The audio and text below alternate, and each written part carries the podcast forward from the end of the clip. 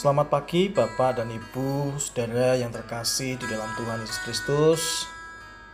Tentu saja kabar baik saudara-saudara semua adalah doa dan harapan kami. Sebab kami percaya bahwa sekalipun dalam kondisi krisis, pandemi seperti saat ini, Tuhan pasti akan terus memberkati dan menolong kita, memberi kita kekuatan untuk melalui semuanya dengan baik. Nah, hari ini Bapak Ibu, Saudara-saudara, firman Tuhan kita ambil dari Injil Matius pasal 5 ayat 1 sampai 12 yang ingin mengatakan kepada kita akan sabda bahagia Tuhan Yesus kepada umat. Matius 5 ayat 1 sampai 12 berbunyi demikian. Ketika Yesus melihat orang banyak itu, naiklah ia ke atas bukit dan setelah ia duduk, datanglah murid-muridnya kepadanya.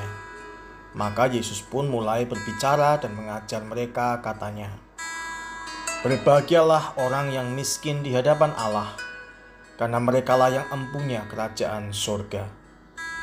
Berbahagialah orang yang berduka cita, karena mereka akan dihibur. Berbahagialah orang yang lemah lembut, karena mereka akan memiliki bumi. Berbahagialah orang yang lapar dan haus akan kebenaran, karena mereka akan dipuaskan. Berbahagialah orang yang murah hatinya, karena mereka akan beroleh kemurahan. Berbahagialah orang yang suci hatinya, karena mereka akan melihat Allah. Berbahagialah orang yang membawa damai, karena mereka akan disebut anak-anak Allah. Berbahagialah orang yang dianiaya oleh sebab kebenaran, karena merekalah yang empunya kerajaan sorga. Berbahagialah kamu, jika karena aku kamu dicela dan dianiaya, dan kepadamu difitnahkan segala yang jahat. Bersukacita dan bergembiralah, karena upahmu besar di sorga. Sebab demikian juga telah dianiaya nabi-nabi yang sebelum kamu. Amin. Sampai di situ pembacaan firman Tuhan. Berbagai kita yang boleh merenungkannya dan yang melakukannya dalam kehidupan kita hari lepas hari. Ketika kita melihat bahasa asli dari kata diberkatilah, kita menemukan kata dalam bahasa Yunani makarioi. Kata ini memiliki dua arti dalam bahasa Inggris, blessed dan happy yang diterjemahkan sebagai berbahagialah tetapi juga diterjemahkan bisa diterjemahkan diberkatilah jadi bisa kita katakan bahwa ungkapan Tuhan Yesus ini adalah khotbah tentang ungkapan bahagia ataupun khotbah tentang kehidupan yang diberkati. Nah, secara khusus saya mengajak kita fokus pada ayat yang ketiga yang berkata, "Berbahagialah orang yang miskin di hadapan Allah karena merekalah yang empunya kerajaan surga. Nah, kata miskin digunakan kata tokos yang berarti kekurangan dalam segala hal. Baik kekurangan secara harta, jabatan, kekuasaan, gelar atau kehormatan. Karena itu menjadi janggal jika kita tidak memahami apa sih yang menjadi pesan Tuhan Yesus yang ingin disampaikan Masa sih miskin bahagia? Kalau orang kekurangan dalam segala hal, tentu tidak bisa bahagia. Tetapi Tuhan Yesus malah katakan, berbahagialah atau diberkatilah kamu yang miskin di hadapan Allah. Nah di sini saudara kita dapat melihat bahwa Tuhan sungguh menghendaki umatnya untuk mencapai bahagia di tengah keterbatasan yang kita miliki. Karena sesungguhnya segala sesuatu yang kita miliki ini bukan milik kita sendiri. Ada waktu kok di mana semua yang kita miliki itu pasti akan kita tinggal, tidak kita bawa pergi. Jadi kita diajak untuk menanamkan dalam hati kita bahwa kita ini di hadapan Tuhan tidak memiliki apa-apa. Sebab semua berasal dari Tuhan, milik Tuhan dipertanggungjawabkan pada Tuhan. Tetapi orang yang merasa kaya, memiliki godaan untuk kemudian tidak lagi mengandalkan Tuhan, tetapi mengandalkan kekayaannya, jabatannya, kekuasaannya, dan lain sebagainya. Kita bisa mengingat sebuah kisah tentang seorang pemuda yang ingin mendapatkan hidup kekal.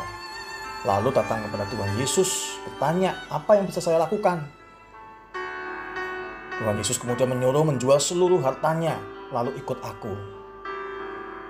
Ketika ia merasa bahwa segala sesuatu miliknya adalah untuk dirinya, milik dirinya sendiri, menjadi kekayaan itu milik kepunyaannya sendiri, sulit bagi pemuda itu untuk kemudian melepaskan semuanya dan mengandalkan hidupnya kepada Tuhan. Sulit. Di sini Tuhan Yesus ingin menekankan bahwa setiap orang hendaknya menyadari bahwa semua harta, jabatan, kekuasaan, gelar, kehormatan yang kita miliki itu hanyalah sesuatu yang dititipkan kepada kita. Siapa yang menitipkannya? Tuhan. Setiap orang diajak untuk menyadari bahwa dirinya ini miskin di hadapan Tuhan, tidak punya apa-apa di hadapan Tuhan. Bahwa semua yang kita miliki, harta, jabatan, dan kekuasaan ini semua milik Tuhan. Bahkan hidup kita ini juga milik Tuhan. Dan setiap orang yang menyadari hal ini tidak akan jatuh dalam kesombongan. Ketika memiliki lebih, tidak sombong, oh ini punya Tuhan bukan milik saya pribadi, bukan milik saya sendiri. Ketika memiliki sedikit, orang tidak terpuruk karena dia percaya bahwa Tuhan memberikan cukup dalam kehidupan mereka, dalam kehidupan kita. Sebaliknya, mereka yang miskin di hadapan Allah adalah mereka yang akan merasakan bahagia dan terberkati, sehingga dapat mensyukuri serta menggunakan setiap berkat Tuhan dengan bijak sana. Jadi jelas, saudara-saudara, bukan soal kaya harta atau miskin tidak punya apa-apa. Tetapi menyadari bahwa diri kita ini miskin di hadapan Allah. Semua yang kita miliki ini adalah milik Allah yang dipercayakan kepada kita. Kebahagiaan kita menjadi tidak bergantung pada berapa banyak harta, jabatan, kekuasaan yang kita miliki. Tapi dari kesadaran bahwa hidup kita ada dalam berkat Tuhan yang mencukupkan kita. Karena itu ingatlah saudara bahwa Tuhan Yesus berkata kepada saudara dan saya, diberkatilah kamu, berbahagialah kamu yang miskin di hadapan Allah. Karena kamulah yang empunya kerajaan surga. Karena setiap kita yang menyadari bahwa segala yang dimiliki adalah pemberian dari Tuhan dan untuk kemuliaan nama Tuhan, maka kita akan terus hidup dalam kerendahan hati dan pengharapan kita hanya kepada Tuhan sang sumber berkat kita. Amin. Tuhan Yesus memberkati. Mari kita berdoa. Bapa yang penuh kasih, biarlah kami boleh belajar untuk menyadari bahwa segala sesuatu yang kami miliki adalah pemberian yang semuanya berasal dari Tuhan.